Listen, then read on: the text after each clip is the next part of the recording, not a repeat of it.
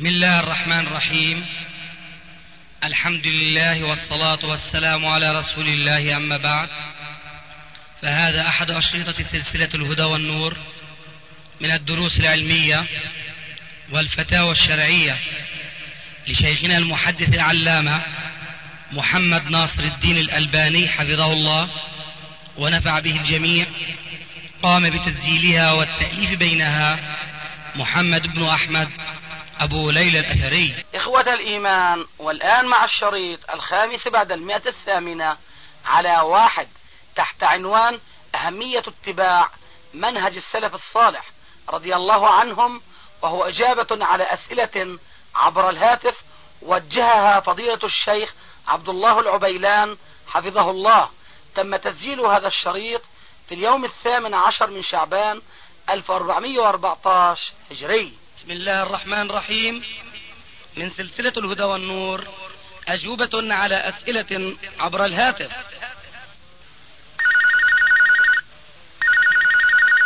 السلام عليكم. وعليك السلام ورحمة الله. مسموع الصوت؟ الصوت مسموع نعم. مساك الله بالخير. أهلا مساك الله بالخير وبركة كيف أمسيت؟ أمسينا وأمسى الملك لله والحمد لله. آه، حفظك الله عندنا الآن مجموعة من الشباب يزيدون على المئة أو أكثر. وهم من يعني بلاد مختلفة. منهم من الخليج من البحرين وعمان والكويت وليبيا والجزائر ومن أطراف المملكة العربية السعودية. طيب تفضل أتم كلمتك آه، سلمك الله يا شيخ. آه، أولا قبل البدء بالأسئلة أو بالسؤالين. نعم.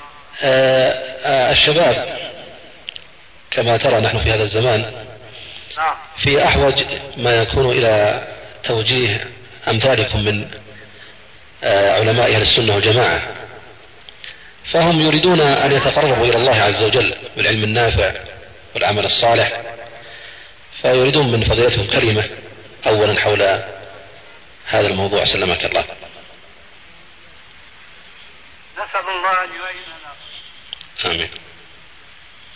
وأن يوفقنا وإياكم لما يحبه من العلم النافع والعمل الصالح. هل هناك غير ذلك؟ نريد يعني يا شيخ كلمة يعني. طيب. يعني كما تعلم يا شيخ الآن ال- يعني الشاب قد يحتار في ما الس- في الساحة من اختلاف في الآراء والمناهج والأفكار.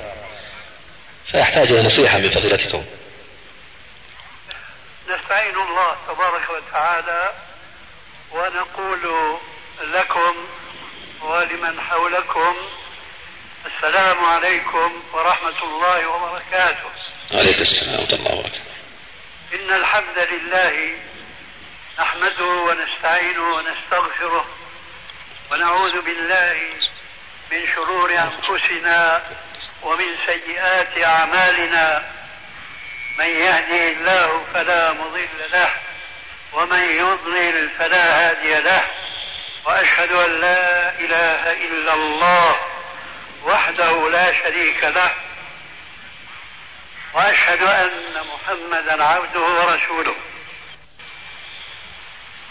يا أيها الذين آمنوا اتقوا الله حق تقاته ولا تموتن إلا وأنتم مسلمون. يا أيها الناس اتقوا ربكم الذي خلقكم من نفس واحدة وخلق منها زوجها وبث منهما رجالا كثيرا ونساء. واتقوا الله الذي تساءلون به والأرحام. إن الله كان عليكم رقيبا. يا أيها الذين آمنوا اتقوا الله وقولوا قولا سديدا. يصلح لكم أعمالكم ويغفر لكم ذنوبكم. ومن يطع الله ورسوله فقد فاز فوزا عظيما. أما بعد فإن خير الكلام كلام الله وخير الهدي هدي محمد صلى الله عليه وآله وسلم وشر الأمور محدثاتها وكل محدثة بدعة وكل بدعة ضلالة وكل ضلالة في النار. وبعد إخواننا السامعين لكلامي أسأل الله تبارك وتعالى أن يوفقنا جميعا لاتباع الكتاب والسنة وعلى منهج السلف الصالح رضي الله تعالى عنهم. وألفت أنظاركم إلى ضرورة التمسك بهذا القيد الأخير. أعني قولي على منهج السلف الصالح.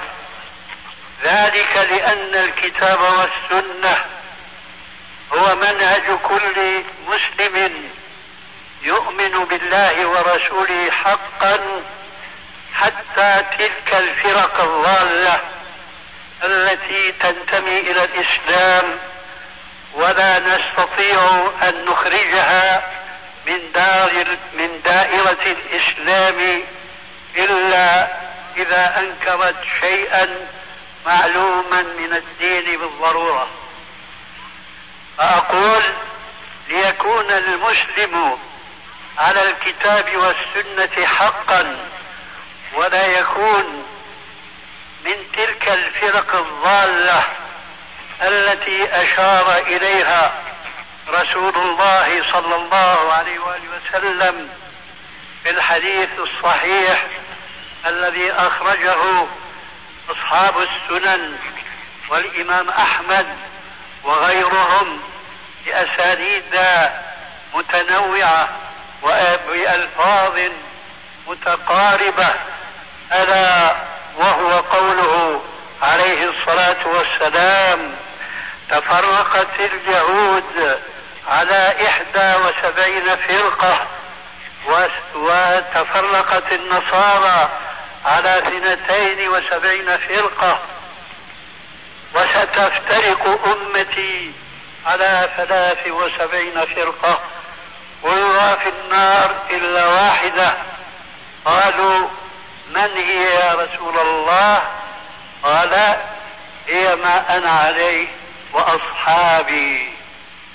وقوله عليه الصلاة والسلام في هذا الحديث الصحيح ما أنا عليه وأصحابي فيه دليل واضح جدا أنه لا يكتفي المسلم بالانتساب إلى الكتاب والسنة فقط بل لا بد من أن يضم إلى ذلك أن يتبع ما كان عليه أصحاب النبي صلى الله عليه وآله وسلم لأنهم هم الذين تلقوا بيان الرسول عليه الصلاة والسلام للقرآن بيانا شافيا بالطرق الثلاثة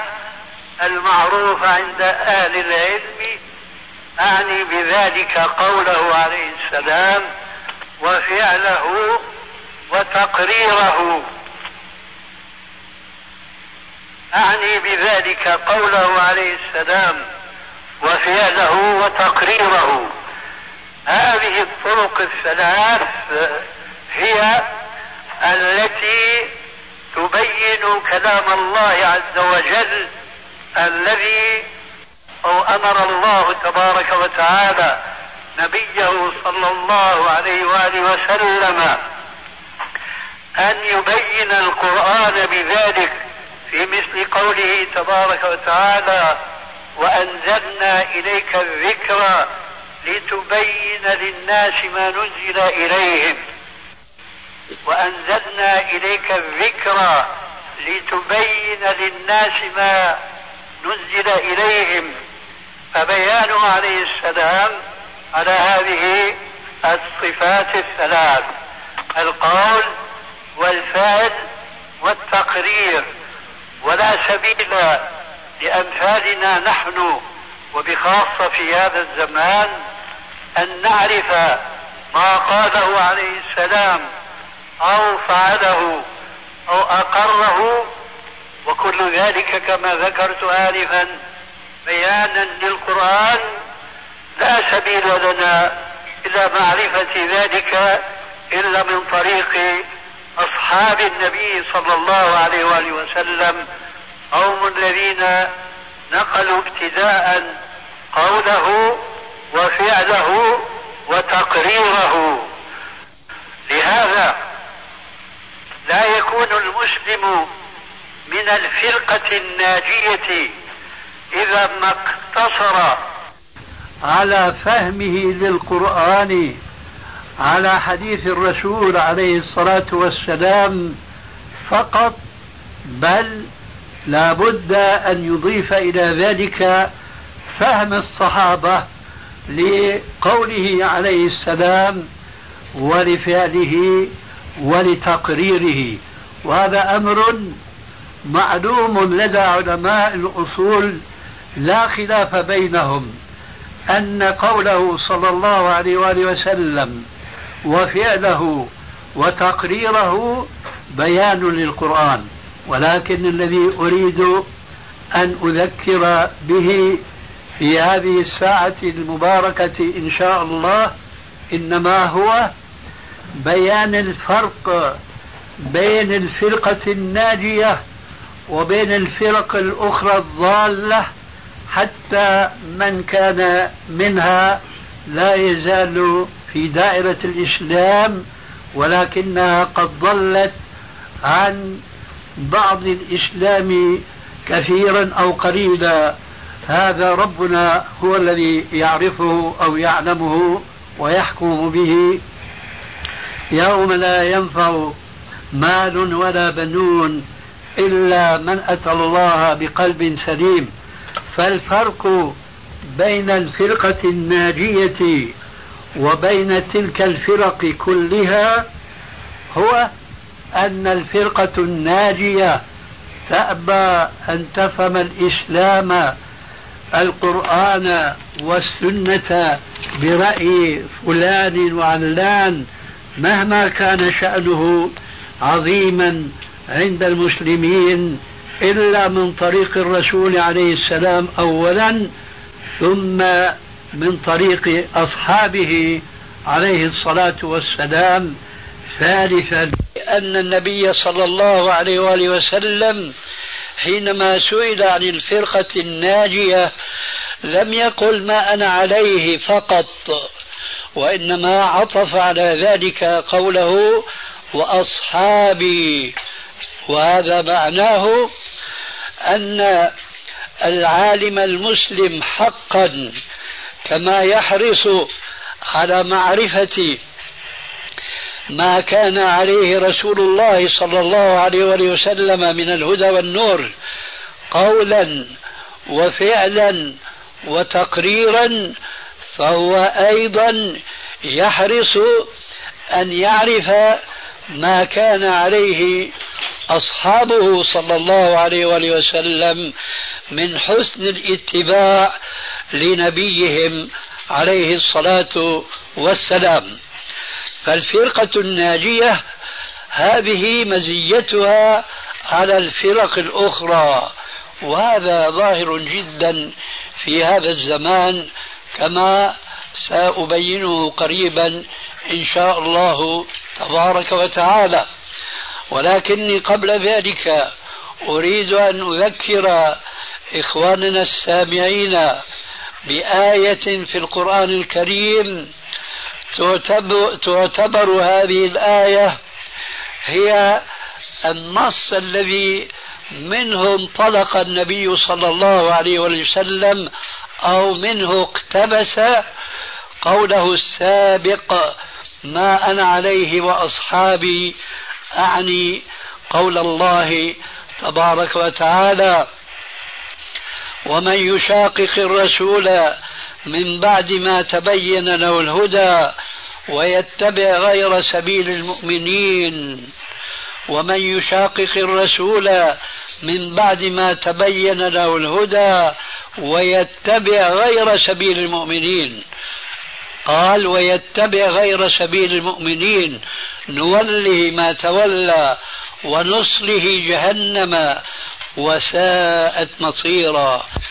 فقول ربنا تبارك وتعالى في هذه الآية ويتبع غير سبيل المؤمنين هو الذي بينه عليه السلام في الحديث السابق حينما قال وأصحابي. فسبيل المؤمنين هو سبيل أصحاب النبي صلى الله عليه وآله وسلم. لذلك فلا يكون المسلم من الفرقة الناجية إلا إذا تبنى هذا المنهج السلفي في اتباع الكتاب والسنة وما كان عليه الصحابة رضي الله تعالى عنهم.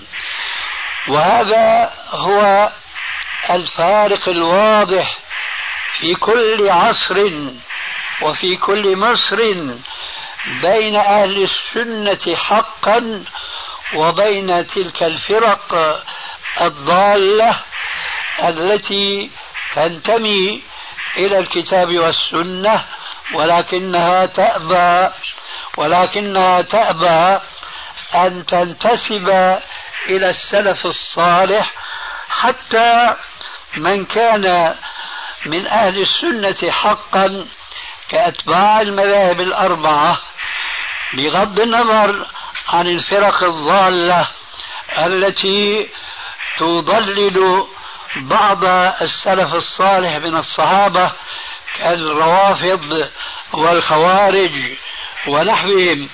هذا لا نعنيهم الآن وإنما نعني أهل السنة الذين هم يلتقون معنا في تعظيم وتبجيل أصحاب النبي صلى الله عليه وآله وسلم. لا نفرق بينهم ولا نبغض أحدا منهم وإنما نجلهم لصحبتهم لنبيهم صلى الله عليه وآله وسلم مع الاحتفاظ بمقادير التفاضل بينهم. بقدم الصحبة أو بالعلم أو بقدم الجهاد والأسبقية إلى الإسلام ونحو ذلك. ولكن أهل السنة كلهم يلتقون على الترضي عن أصحاب الرسول صلى الله عليه وآله وسلم كلهم أجمعين.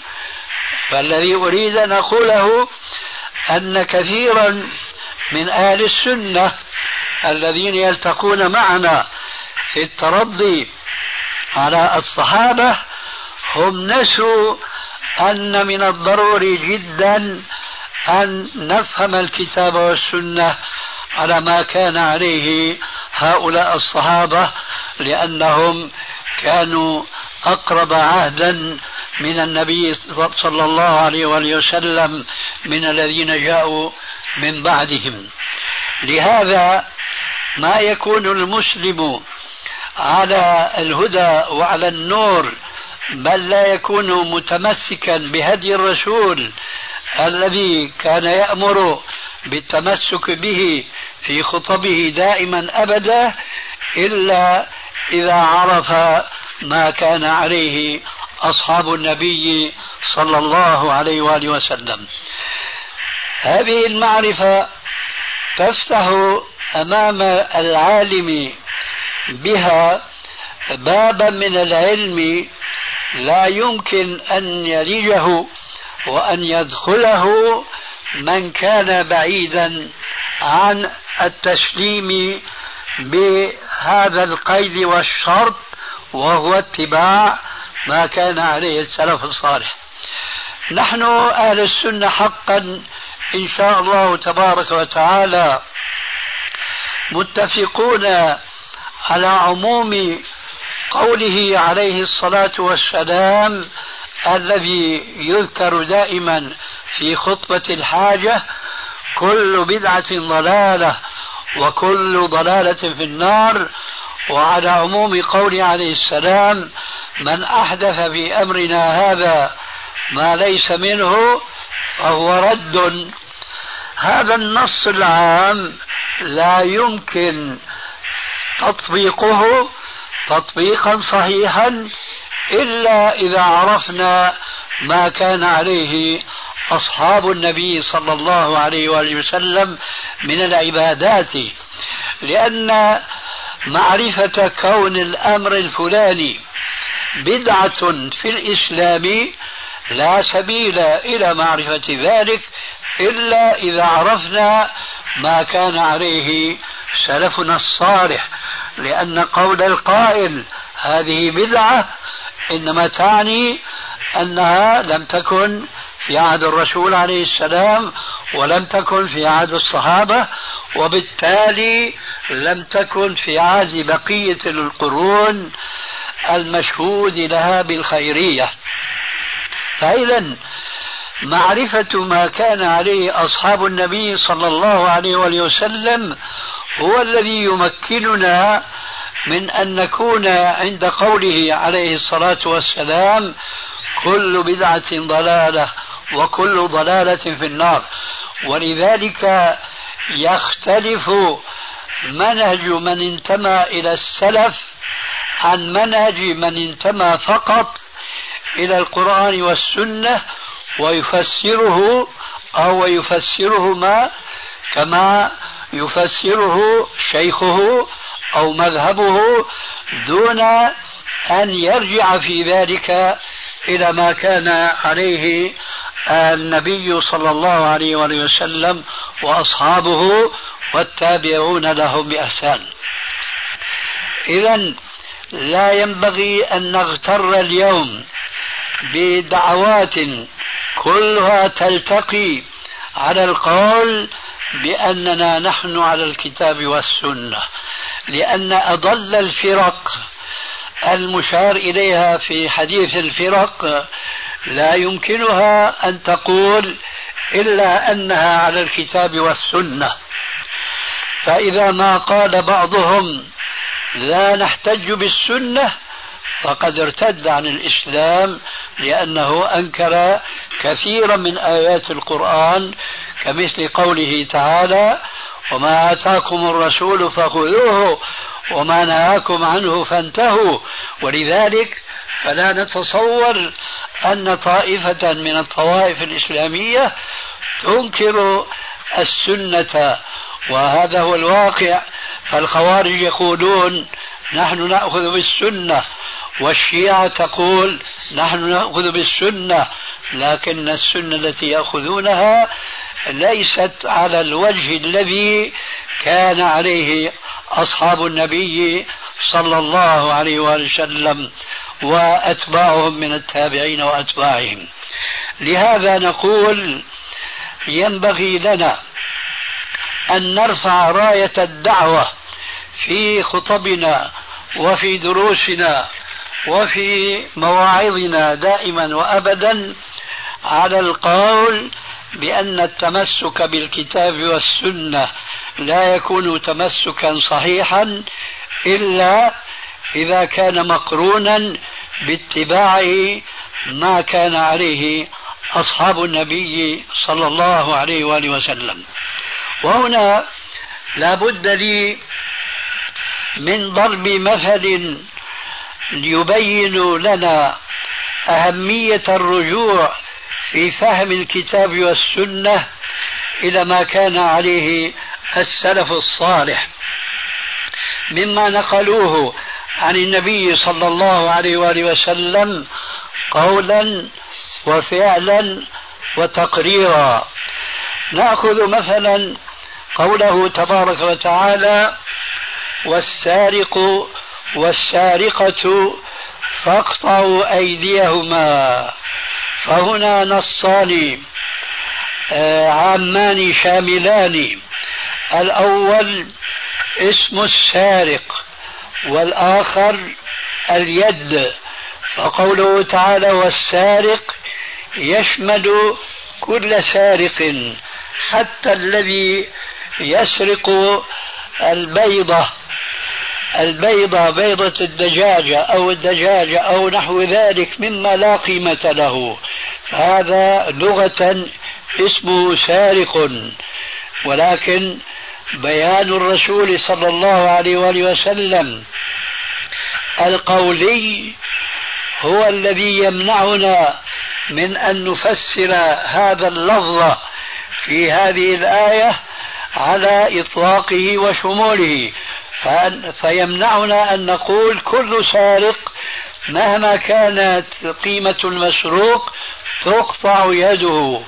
نقول لا هذا لا يجوز هذا مخالف للقرآن لأن الله يقول وأنزلنا إليك الذكر لتبين للناس ما نزل إليهم وقد بين الرسول صلى الله عليه وآله وسلم السارق المذكور في هذه الآية بقوله لا قطع إلا في ربع دينار فصاعدا.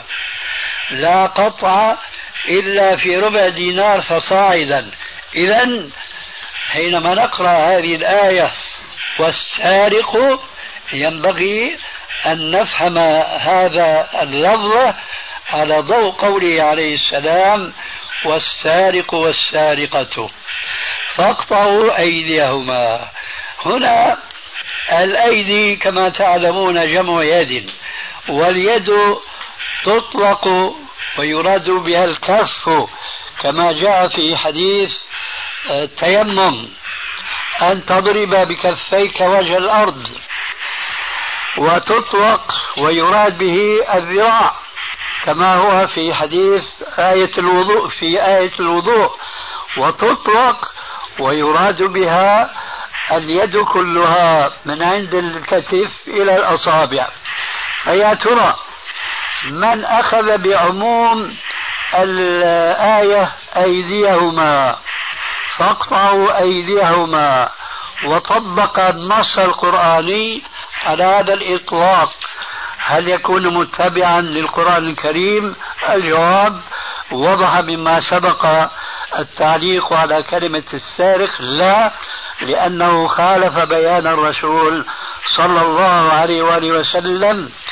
لكن البيان هنا إنما كان منه صلى الله عليه وآله وسلم بيانا فعليا عمليا حيث كانت تقطع يد السارق من عند الرسغ وليس من عند المرفقين ولا من عند الكتف. هذه آية تتعلق بإقامة الحدود الشرعية والآيات التي ذكرت في القرآن مطلقة أو عامة فهي كثيرة وكثيرة جدا. ويروق لي أن أقترح على بعض على بعض طلاب العلم أن يجمعوا هذه الآيات المطلقة أو العامة في القرآن الكريم وأن يبينوا ما دخلها من التقييد أو التخصيص بما جاء في السنة وفي السنة الصحيحة. ليظهر للناس أنه لا مجال لفهم القرآن دون سنة الرسول عليه الصلاة والسلام ودون بيان أصحابه عليه الصلاة والسلام لما كان عليه رسول الله صلى الله عليه وآله وسلم. قلت آنفا إن الآيات المطلقة أو العامة كثيرة وكثيرة جدا. خذوا مثلا الآيات التي تأمر بالزكاة وتأمر بالصلاة وتأمر بالحج لا يمكن أن تفهم إلا على ضوء الكتاب والسنة. ومن هنا يتبين لنا خروج الطائفة التي تسمى اليوم بالقرآنيين عن دائرة الإسلام والمسلمين حينما قالوا نحن في غنى عن فهم القرآن بالسنة. ذلك لما أشرت آنفا من بيان أن الذي لا يأخذ بالسنة فهو لا يأخذ بالقرآن لأن القرآن أمر المسلمين في غير آية أن يتحاكموا إلى الله وإلى, ورش وإلى الله وإلى رسوله. كما هو معلوم في الآية المعروفة فإن تنازعتم في شيء فردوه إلى الله والرسول إن كنتم تؤمنون بالله ورسوله. والبحث في هذا طويل وطويل جدا إنما أردت فيه التنبيه فقط على ضرورة انتباه كل مسلم غيور على أن يكون من الفرقة الناجية الا يكتفي لنفسه ولا لغيره أن يكون أنا متبع للكتاب والسنة ليس إلا لابد من أن يقرن مع هذين المصدرين الأساسيين أن نعرف ما كان عليه أصحاب الرسول عليه السلام من الهدى والنور وبذلك نحقق صفة الفرقة الناجية وهي أن نكون على ما كان عليه رسوله وأصحابه. وهذا كما قلت آنفا باب واسع ولكن لابد أن آتي بقيد جديد لإهمال كثير من الدعاة الإسلاميين إياه ألا وهو العناية بمعرفة ما صح من السنة وما لم يصح منها لأنه إذا كان القرآن لا يمكن فهمه إلا بالسنة فلا بد من أن تكون هذه السنة صحيحة ثابتة عن النبي صلى الله عليه وآله وسلم وهنا نذكر بما اتفق عليه علماء المسلمين قاطبة على اختلاف مذاهبهم أنه قد دخل في السنة ما ليس منها منذ القديم ولا يزال كثير من الناس حتى اليوم ينسبون إلى النبي صلى الله عليه وسلم. أحاديث قد وضعت حديثا ولذلك فلا بد لطائفة من علماء المسلمين أن يعنوا عناية خاصة بما يعرف عند العلماء بعلم الحديث ومصطلح الحديث وعلم الجرح والتعديل حتى يصف السنة مما دخل فيها على مر العصور والدهور من الأحاديث الضعيفة والموضوعة والتي دخلت في بطون كثير من كتب التفسير والحديث والفقه فضلا عن كتب المواعظ والرقائق والقصص. إذا على طائفة من علماء المسلمين أن يعنوا عناية خاصة بعلم السنة حتى يتمكنوا بها من تفسير القرآن تفسيرا صحيحا. بعد هذا أقول تعلمون أيها الإخوة أن العلم الصحيح هو وسيلة للعمل به. فلا ينبغي لطالب العلم أن يشغل نفسه بالعلم فقط دون قرن هذا العلم بالعمل. لذلك ندعو دائما أن يلهمنا الله عز وجل العلم النافع والعمل الصالح. وقل اعملوا فسيرى الله عملكم ورسوله. ثم تردون إلى عالم الغيب والشهادة فينبئكم بما كنتم تعملون. هذا ما تيسر لي من الكلمة التي طلبها الشيخ الفاضل الشيخ عبد الله ونسأل الله عز وجل أن يلهمنا رشدنا وأن يوفقنا جميعا لما يحبه ويرضاه. شكر الله لك فضيلة الشيخ. آه هنا سؤالان. السؤال الأول هل يدخل المنهج في باب العقيدة أم في باب الأحكام؟ شق من السؤال وهل المناهج الدعوية تدخل في حديث الافتراق. نحن لا يهمنا في الجواب عن هذا السؤال الأمور الاصطلاحية التي طرأت وتطرأ خاصة في هذا الزمان. وأنا أقول كما قال عليه السلام في حديث خطبة الحاجة التي ذكرتها انفا وفيها يقول الرسول صلى الله عليه وآله وسلم وخير الهدى هدى محمد صلى الله عليه وآله وسلم وفي الرواية الأخرى وخير الهدي هدي محمد صلى الله عليه وآله وسلم فهدي النبي صلى الله عليه وآله وسلم يجب أن يؤخذ كليا لا نفرق بين الغاية وبين الوسيلة لأن الوسيلة تؤدي إلى الغاية التي شرعها الله عز وجل. فإذا كان هناك وسائل قد بينها الرسول عليه السلام للأمة وأمرهم باتخاذها أو حضهم عليها. فلا يجوز لنا نحن أن نحدث مقابلها وسائل جديدة ولو كانت هذه الوسائل من الأمور المباحة ولكنها ولكننا نتخذها وسيلة لدعوة الأمة إلى الإسلام بعامة أو إلى الإسلام بتفاصيله التي جاء بها النبي صلى الله عليه وآله وسلم.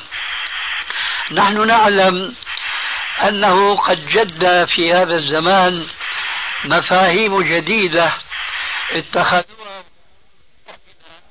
لتقريب الناس إلى الإسلام واتخذوا هذه الوسائل آه، كأنها غايات يلتزمونها بزعم أنها تقربهم إلى الله زلفى.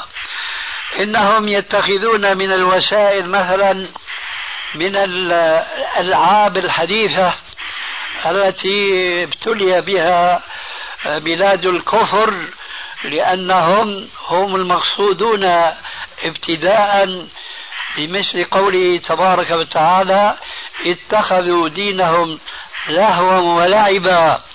وغرتهم الحياة الدنيا. فاتبع سبيل هؤلاء بعض المسلمين الذين زين لهم اللعب بهذه الألعاب الجديدة التي جاءتنا من بلاد الكفر الذين لا دين لهم إلا اللهو واللعب. فاتخذها بعض من ينتمي إلى بعض الأحزاب الإسلامية وسائل لتقريب الشباب إلى الإسلام الذي أصبحوا بعيدين مع الأسف كل البعد عنه. لم يكن هذا من هدي النبي صلى الله عليه وآله وسلم وإنما كان هديه هو دعوة الشباب والشيوخ والناس جميعا إلى عبادة الله تبارك وتعالى وحده لا شريك له وتذكيرهم بأن هناك حياة أخرى إما نعيما آه، مقيما وإما جحيما وسعيرا وذلك بحسب العمل الصالح أو العمل الطالح. كما قال تعالى فأما من أعطى واتقى وصدق بالحسنى فسنيسره لليسرى أي الجنة. وأما من بخل واستغنى وكذب بالحسنى فسنيسره للعسرى وهي جهنم. هكذا كان النبي صلى الله عليه وآله وسلم يذكر أصحابه بالجنة وبالنار ويجعل ذلك وسيلا لتقريبهم إلى عبادة الله تبارك وتعالى. اتخذت اليوم بعض الوسائل من بعض الناس تشبها بأولئك الكفار الذي حذرنا النبي صلى الله عليه وآله وسلم من أن نتشبه بهم في كثير من الأحاديث الصحيحة المعروفة لدى الحاضرين جميعهم إن شاء الله.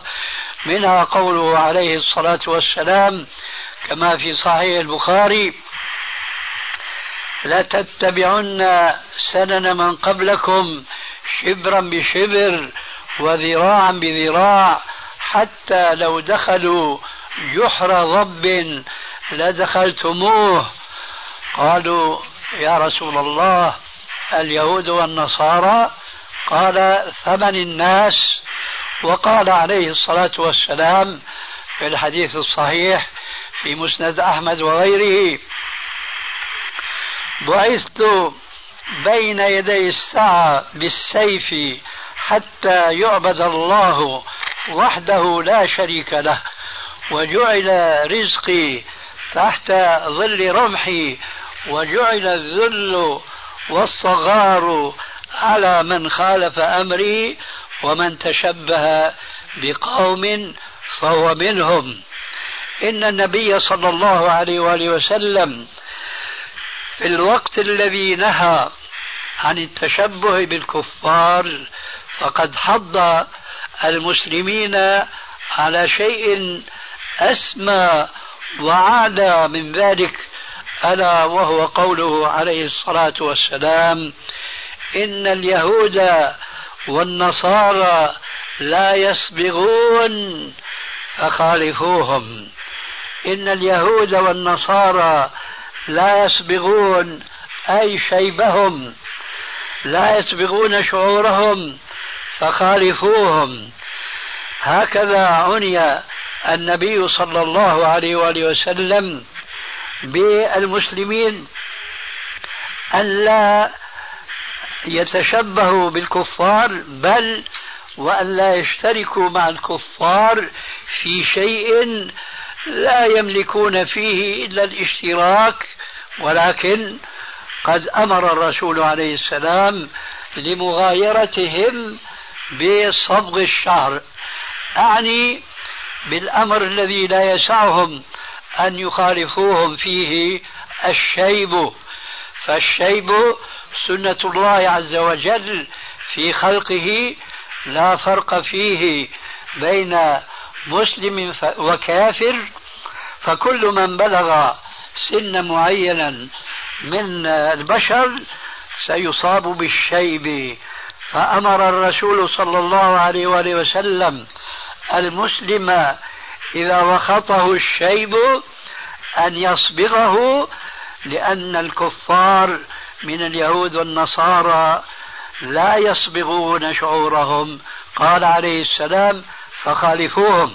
والأحاديث التي تأمر بمخالفة المشركين هي كثيرة جدا جدا وقد كنت جمعت طائفة طيبة منها في كتاب حجاب المرأة المسلمة. فبإمكان من أراد التوسع في هذا المجال أن يرجع إليه. والشاهد أن النبي صلى الله عليه وآله وسلم في الوقت الذي نهى عن التشبه فقد أضاف إلى ذلك أنه حض على مخالفة الكافر. فالمخالفة أوسع من التشبه فقد لا يتشبه المسلم بالكافر فيما إذا مثلا شاب لأن هذا من خلق الله عز وجل. لكنه يستطيع أن يخالف الكافر بصبغ شعره. ولذلك قال عليه السلام إن اليهود والنصارى لا يسبغون فخالفوهم. إذا كان فبإمكان من أراد التوسع في هذا المجال أن يرجع إليه. والشاهد أن النبي صلى الله عليه وآله وسلم في الوقت الذي نهى عن التشبه فقد أضاف إلى ذلك أنه حض على مخالفة الكافر. فالمخالفة أوسع من التشبه فقد لا يتشبه المسلم بالكافر فيما إذا مثلا شاب لأن هذا من خلق الله عز وجل لكنه يستطيع أن يخالف الكافر بصبغ شعره ولذلك قال عليه السلام إن اليهود والنصارى لا يسبقون فخالفوهم. إذا كان حرص النبي صلى الله عليه وآله وسلم قد بلغ إلى هذه المنزلة في حض المسلمين على مخالفة المشركين فكيف يجوز لبعض المسلمين اليوم أن يتخذوا بعض الوسائل التي عليها الكفار لجذب الناس إلى المساجد مثلا. حتى وصل الأمر ببعضهم أن أدخلوا الصور إلى المساجد بل وأدخلوا بعض آلات الطرب في بعض البلاد باسم ترقيب ترقيق قلوب المسلمين. و وأدهى وأمر من هذا من حيث التدليس على الناس ما اتخذوه من الوسائل التي أشاعوها وسجلت أشرطة كثيرة بها ألا وهو ما يسمونه بالأناشيد الإسلامية. قد جرهم إبليس الرجيم إلى هذه الوسيلة في أول الأمر بالتطريب وتلحين بعض ما يسمونه بالأناشيد الإسلامية بالأوزان التي يتغنى بها المغنون الماجنون. هكذا بدأوا بنشر هذه الأناشيد المزعومة بأنها أناشيد إسلامية. ثم جرهم الشيطان ونقلهم من هذه المعصية الأولى إلى معصية أخرى هي أشنع من الأولى حيث أخذوا يضربون على الدفوف وعلى الطبول فيما يسمونه بالأناشيد الإسلامية. ثم ترقى الشيطان بهم إلى أن أدخلوا بعض الآلات الموسيقية الأخرى التي ما كان يعرفها الماجنون السابقون وإنما هي من الآلات التي ابتكرها الكفار الأوروبيون. أدخلوا هذه الأناشيد وهذه الآلات إلى بيوت الله تبارك وتعالى مع الصور ومع الفيديو ونحو ذلك من الوسائل زعموا أنها لجلب الناس إلى طاعة الله وإلى عبادة الله في بيوت الله. فقد وقعوا في مثل ما وقع الكفار من قبل حينما ذكرت بعض نساء النبي صلى الله عليه وآله وسلم حينما رجعنا من الحبشة ذكرتا لرسول الله صلى الله عليه وآله وسلم كنيسة رأينا في الحبشة وذكرنا من آه، صور وتصاوير فيها. فقال عليه الصلاة والسلام أولئك كانوا إذا مات فيهم الرجل الصالح بنوا على قبره مسجدا وصوروا فيه تلك التصاوير أولئك شرار الخلق عند الله تبارك وتعالى. هكذا صارت المساجد اليوم قريبة جدا من كنائس النصارى من حيث تزيينها ومن حيث زخرفتها ومن حيث التغني فيها بما يسمونه بالأناشيد الدينية. وأخشى ما أخشى أن يأتي يوم يسمح للنساء المتبرجات بأن يدخلن المساجد كما تفعل النصارى تماما في الكنائس. نسأل الله عز وجل أن يكفينا شر محدثات الأمور. هذا ما يتيسر لي الجواب عن ذلك السؤال. ونسأل الله للمسلمين أن يعودوا إلى دينهم على ضوء الكتاب والسنة وعلى ما كان عليه السلف الصالح. آه بارك الله فيك. آه نريد حقيقة التقييم أو التقويم الشرعي آه المعتدل لبعض الدعاة الإسلاميين الماضين الذين كثر الكلام حول حولهم مثل حسن البنا والسيد قطب. لأن تضاربت آراء منهم من يقول الشيخ ناصر يقول كذا ومنهم من يقول الشيخ ناصر يقول كذا. نريد التقويم العلمي الشرعي الذي يراه فضيلتكم لحسن البنا وسيد قطب. نعم. نحن انطلاقا من قوله تبارك وتعالى ولا يجرمنكم شنآن قوم على ألا تعدلوا اعدلوا هو أقرب للتقوى فنحن لا نبخس داعية حقه. ونعتقد فيه دون إفراط ودون تفريط.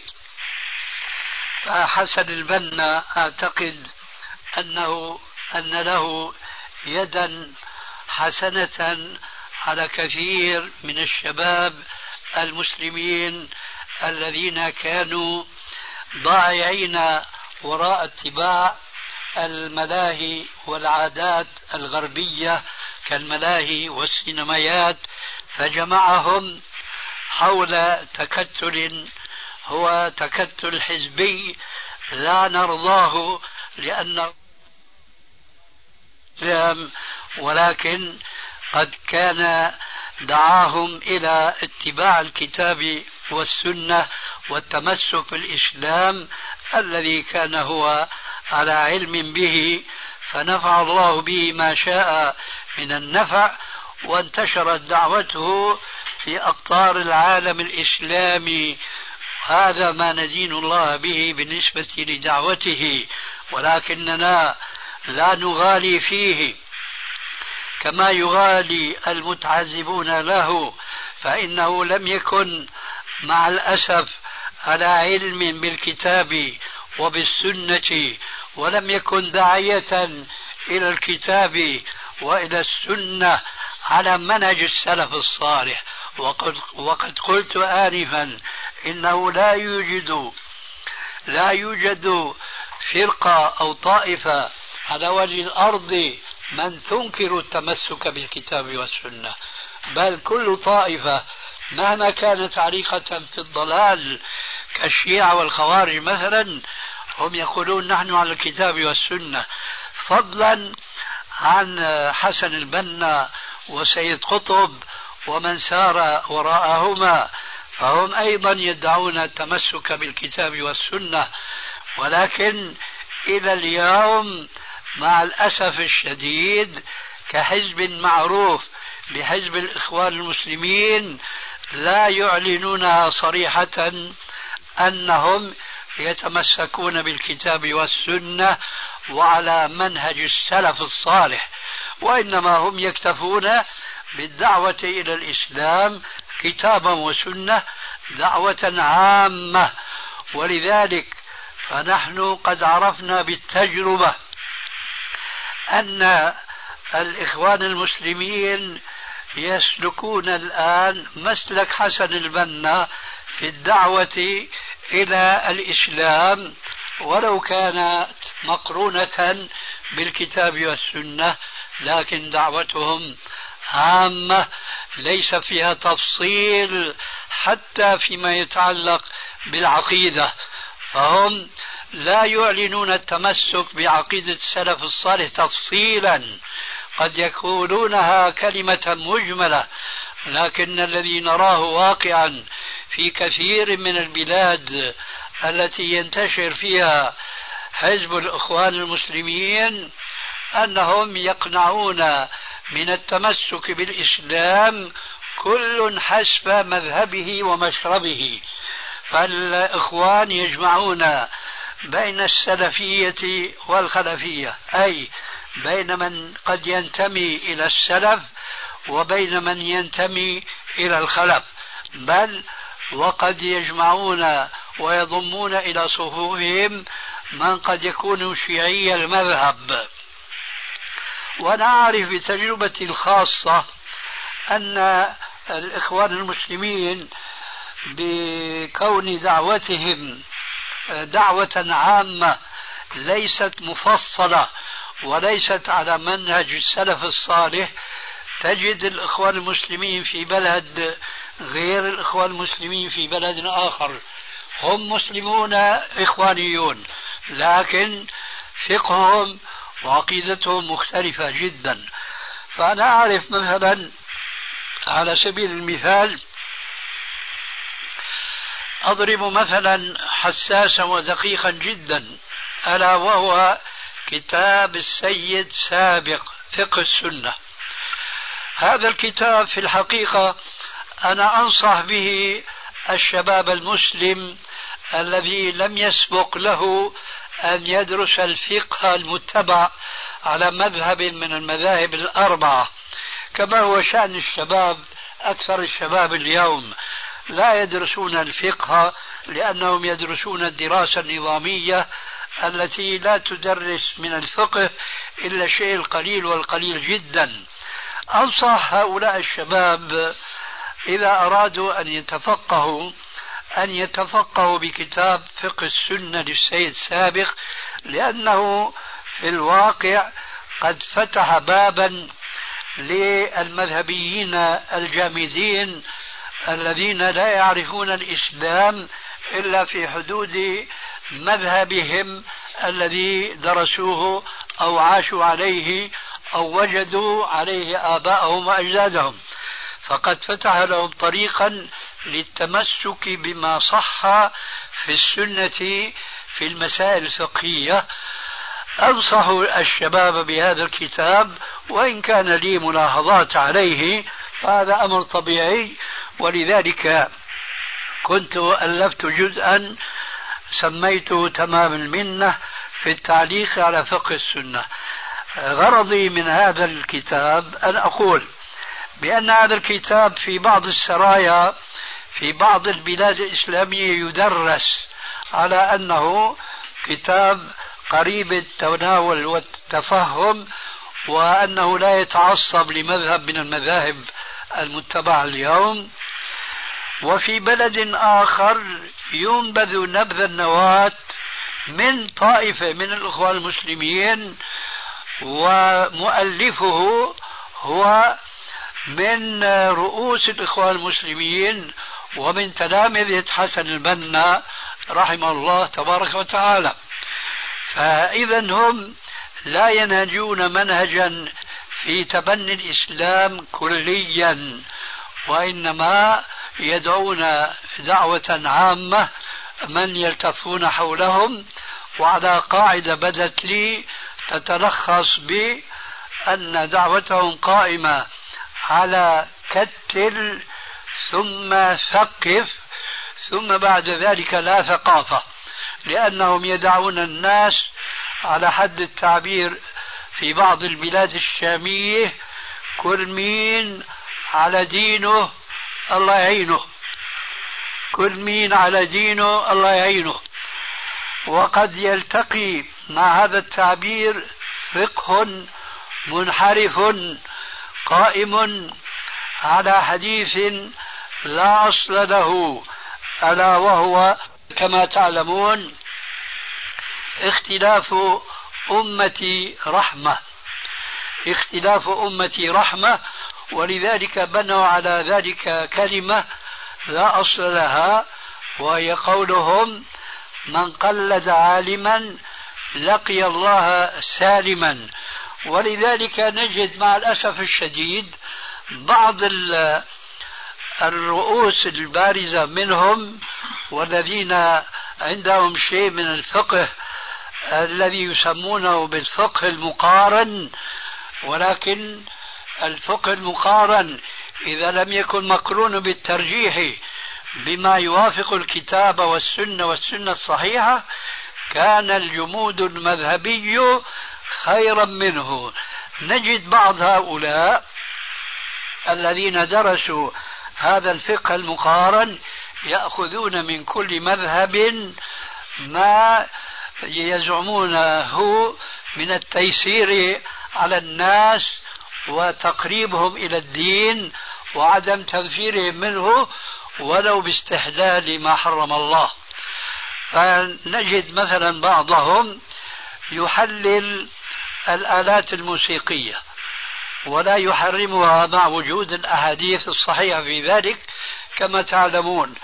ثم يشككون الناس بصحة هذه الأحاديث مع أنها صحيحة ويضيفون إذا إلى ذلك شبهة ابتكروها وهي مخالفة لما عليه كافة الفقهاء من الأئمة الأربعة وأتباعهم وهي قول بعضهم في مثل هذا الأمر أعني آلات الطرب وتحريمها. يقول بعضهم بأنه لا يوجد هناك نص قاطع في التحريم. يقول قاطع لا يوجد نص قاطع في التحريم وهو يعلم أن الأحكام الشرعية عند كافة علماء المسلمين لا يشترط فيها أن يوجد نص قاطع بل هؤلاء الفقهاء وبخاصة المتأخرين منهم يفصلون في علم أصولهم بين النصوص فيقولون قد يكون النص قطعي الثبوت غير قطعي الدلالة وقد يكون قطعي الدلالة غير قطعي الثبوت. فهم يكتفون في الأحكام الشرعية أن يكون الدليل ظني الثبوت ولو كان ظني القطع أيضا. ويعنون بالظن هنا كما لا يخفى على الحاضرين إن شاء الله هو الظن الغالب. فنجد ذلك البعض يشترط في بعض الأحكام الشرعية التي استحلها على الرغم من وجود بعض الأحاديث الصحيحة فهو ينفي دلالتها لكونها غير قطعية الثبوت وغير قطعية الدلالة. مثاله مثلا الحديث الذي رواه البخاري كما هو معلوم لا يكونن في أمتي أقوام يستحلون الحر والحرير والخمر والمعازف يمسون في لهو ولعب ويصبحون وقد مسخوا قردة وخنازير.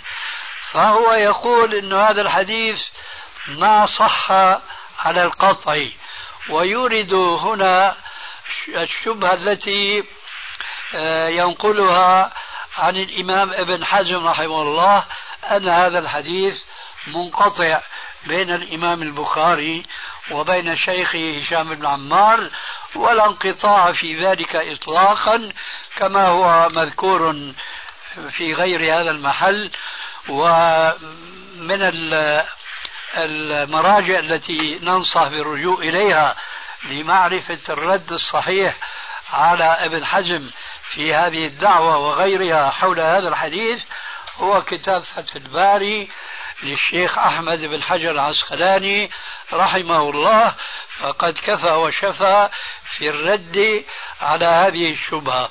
لا شك أن هذا البعض المشار إليه قد وقف على كلام الحافظ ابن حجر ورده على ابن حزم بل ووقف على كلام ابن تيمية وابن القيم وكثير من علماء الحديث الذين قطعوا بصحة هذا الحديث. فهو يشكك في دلالة هذا الحديث وفي ثبوته فيقول إنه من حيث الثبوت فيه شبهة القطع ومن حيث الدلالة يقول إن الحديث يحرم هذه المجموعة ولا يحرم المعازف لوحدها. والبحث في هذه المسألة لخصوصها له مجال آخر ولكني أردت أن أقول إن الإخوان المسلمين مع أن دعوتهم تنفع الشباب إلى حد ما ولكنهم لا يسلكون في دعوتهم مسلك الدعوة على منهج السلف الصالح. هكذا خطط لهم حسن البنا رحمه الله وغفر له وعلى ذلك جرى أيضا السيد قطب. ولكني أعتقد بأن السيد قطب في آخر حياته وهو في سجنه قد بدا منه آه، تحول كبير جدا إلى بعض الأصول السلفية وإن كان في كتبه القديمة فيها آه، كثير من الأخطاء العلمية سواء ما يتعلق منها ببعض العقائد أو ببعض الأحكام.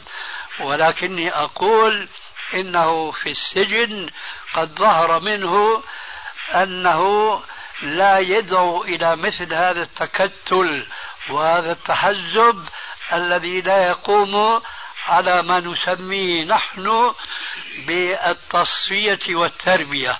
وكلامه هذا مسجل في مقالته المعروفة لماذا أعدموني.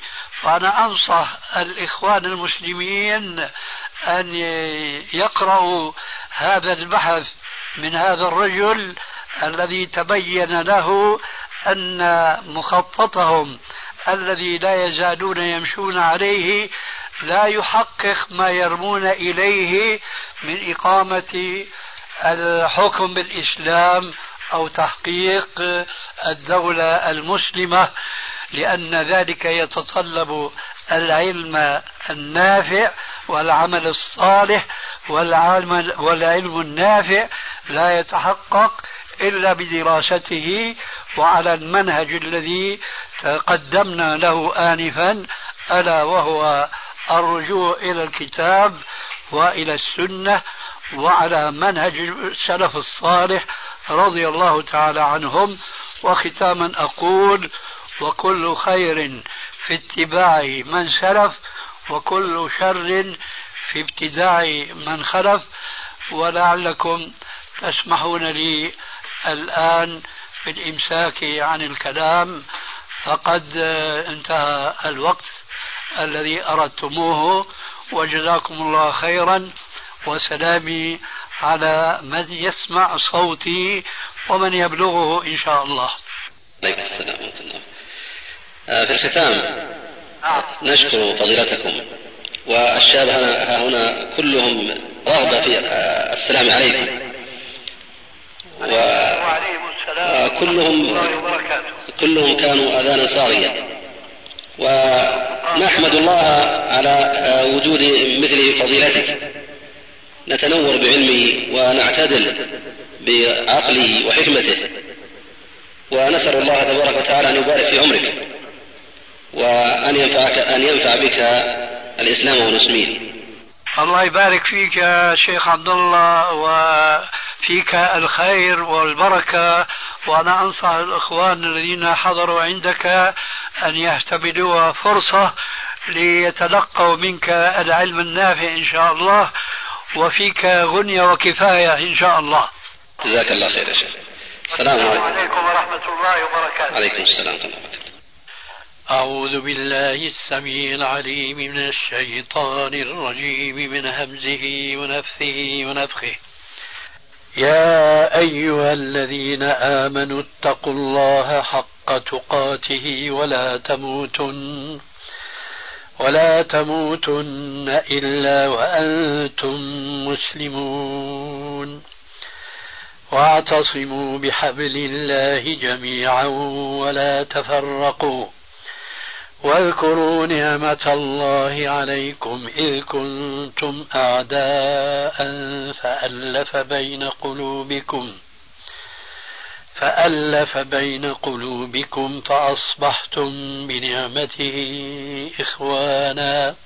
وكنتم على شفا حفرة من النار فأنقذكم منها. كذلك يبين الله لكم آياته لعلكم تهتدون. ولتكن منكم أمة يدعون إلى الخير ويأمرون بالمعروف وينهون عن المنكر وأولئك هم المفلحون. ولا تكونوا كالذين تفرقوا واختلفوا من بعد ما جاءهم البينات وأولئك لهم عذاب عظيم. يوم تبيض وجوه وتسود وجوه فأما الذين اسودت وجوههم أكفرتم أكفرتم بعد إيمانكم فذوقوا فذوقوا العذاب بما كنتم تكفرون. بسم الله الرحمن الرحيم. نون والقلم وما يسطرون. ما أنت بنعمة ربك بمجنون. وإن لك لأجرا غير ممنون. وإنك لعلى خلق عظيم. فستبصر ويبصرون بأيكم المفتون. إن ربك هو أعلم بمن ضل عن سبيله وهو أعلم بالمهتدين فلا تطع المكذبين ودوا لو تدهن فيدهنون ولا تطع كل حلاف مهين هماز مشاء بنميم مناع للخير معتد أثيم عتل بعد ذلك زنيم أن كان ذا مال وبنين. إذا تتلى عليه آياتنا قال قال أساطير الأولين. سنسمه على الخرطوم.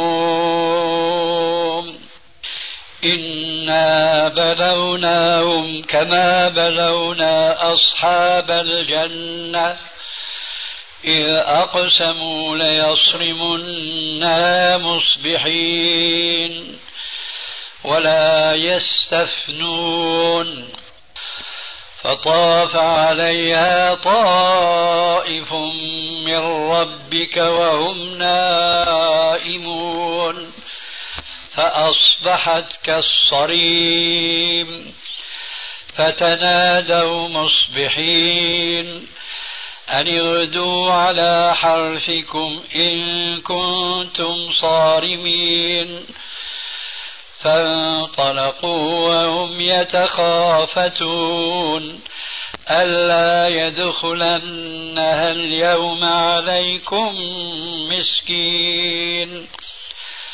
وغدوا على حرد قادرين. فلما رأوها قالوا إنا لضالون بل نحن محرومون. قال أوسطهم ألم أقل لكم لولا تسبحون. قالوا سبحان ربنا إنا كنا ظالمين. فأقبل بعضهم على بعض يتلاومون. قالوا يا ويلنا إنا كنا طاغين. عسى ربنا أن يبدلنا خيرا منها. إنا إلى ربنا راغبون. كذلك العذاب. ولعذاب الآخرة أكبر لو كانوا يعلمون. أعوذ بالله السميع العليم من الشيطان الرجيم من همزه ونفثه ونفخه. وقال الذي آمن يا قوم اتبعون أهدكم سبيل الرشاد. يا قوم إنما هذه الحياة الدنيا متاع. وإن الآخرة هي دار القرار. من عمل سيئة فلا يجزى إلا مثلها. ومن عمل صالحا من ذكر أو أنثى وهو مؤمن فأولئك يدخلون الجنة يرزقون. يرزقون فيها بغير حساب. ويا قوم ما لي أدعوكم إلى النجاة وتدعونني إلى النار. تدعونني لأكفر بالله وأشرك به ما ليس لي به علم. وأنا أدعوكم إلى العزيز الغفار. لا جرم أن ما تدعونني إليه ليس له دعوة ليس له دعوة في الدنيا ولا في الآخرة. وأن مردنا إلى الله وأن المسرفين هم أصحاب النار. فستذكرون ما أقول لكم وأفوض أمري إلى الله. إن الله بصير بالعباد. بسم الله الرحمن الرحيم. والسماء والطارق. وما أدراك ما الطارق. النجم الثاقب. إن كل نفس لما عليها حافظ فلينظر الإنسان مما خلق خلق من ماء دافق يخرج من بين الصلب والترائب. إنه على رجعه لقادر. يوم تبلى السرائر فما له من قوة ولا ناصر والسماء ذات الرجع والأرض ذات الصدع إنه لقول فصل وما هو بالهزل إنهم يكيدون كيدا وأكيد كيدا. فمهل الكافرين أمهلهم رويدا. بسم الله الرحمن الرحيم. عبس وتولى أن جاءه الأعمى. وما يدريك لعله يزكى. أو يذكر فتنفعه الذكرى. أما من استغنى فأنت له تصدى وما عليك ألا يزكى. وأما من جاءك يسعى وهو يخشى فأنت عنه تلهى. كلا إنها تذكرة فمن شاء ذكره. في صحف مكرمة مرفوعة مطهرة بأيدي سفرة كرام بررة. قتل الإنسان ما أكفره من أي شيء خلقه. من نطفة خلقه فقدره ثم السبيل يسره ثم أماته فأقبره ثم إذا شاء أنشره. كلا لما يقض ما أمره. فلينظر الإنسان إلى طعامه أنا أنا صببنا الماء صبا ثم شققنا الأرض شقا. فأنبتنا فيها حبا وعنبا وقضبا وزيتونا ونخلا.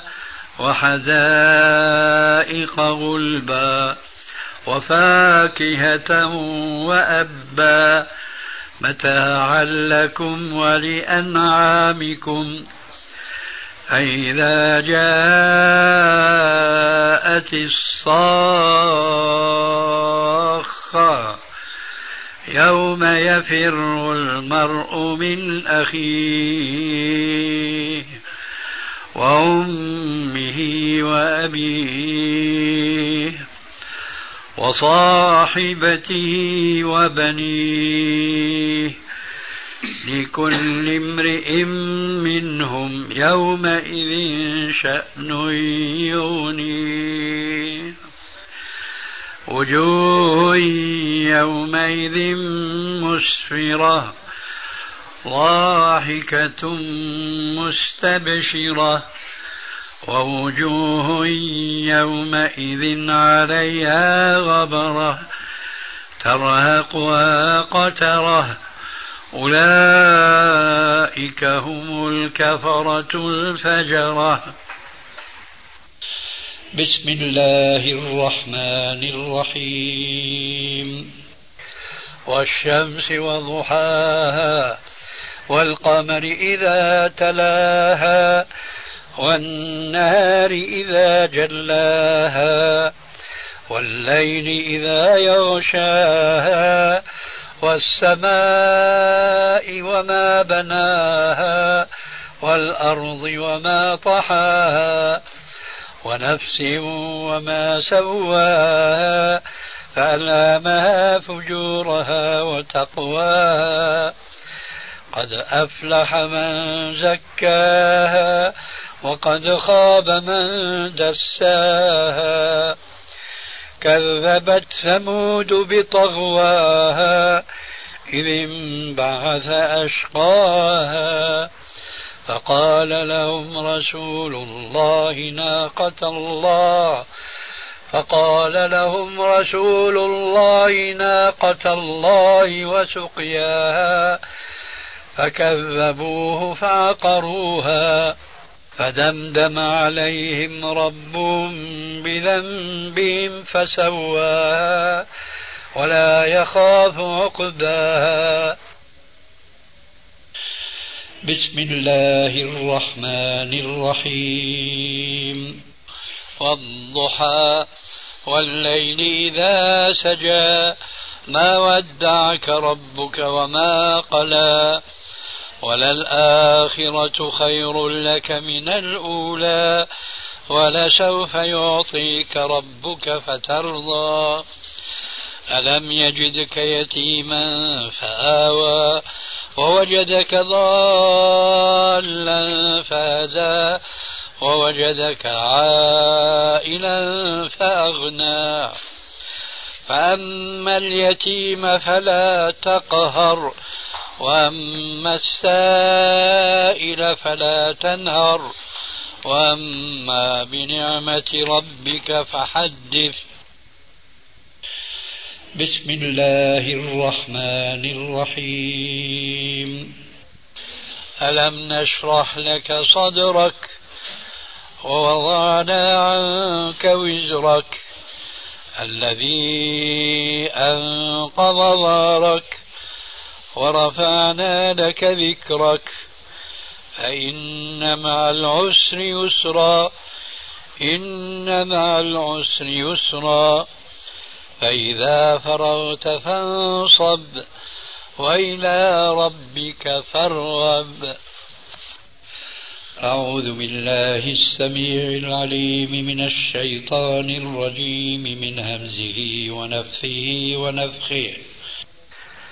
تبارك الذي جعل في السماء بروجا وجعل فيها سراجا وقمرا منيرا وهو الذي جعل الليل والنهار خلفة خلفة لمن أراد أن يتذكر أو أراد شكورا وعباد الرحمن الذين يمشون على الأرض هونا وإذا خاطبهم الجاهلون قالوا سلاما.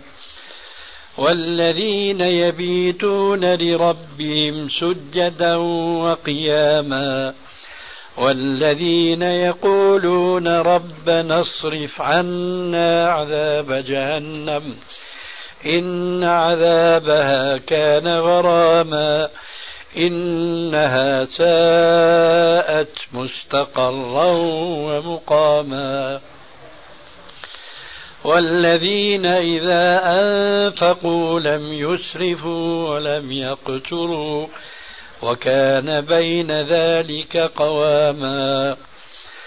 والذين لا يدعون مع الله إلها آخر ولا يقتلون النفس التي حرم الله إلا بالحق ولا يزنون ومن يفعل ذلك يلقى ثاما يضاعف له العذاب يوم القيامة ويخلد ويخلد فيه مهانا إلا من تاب وآمن وعمل عملا صالحا فأولئك يبدل الله سيئاتهم حسنات وكان الله غفورا رحيما ومن تاب وعمل صالحا فإنه فإنه يتوب إلى الله متابا.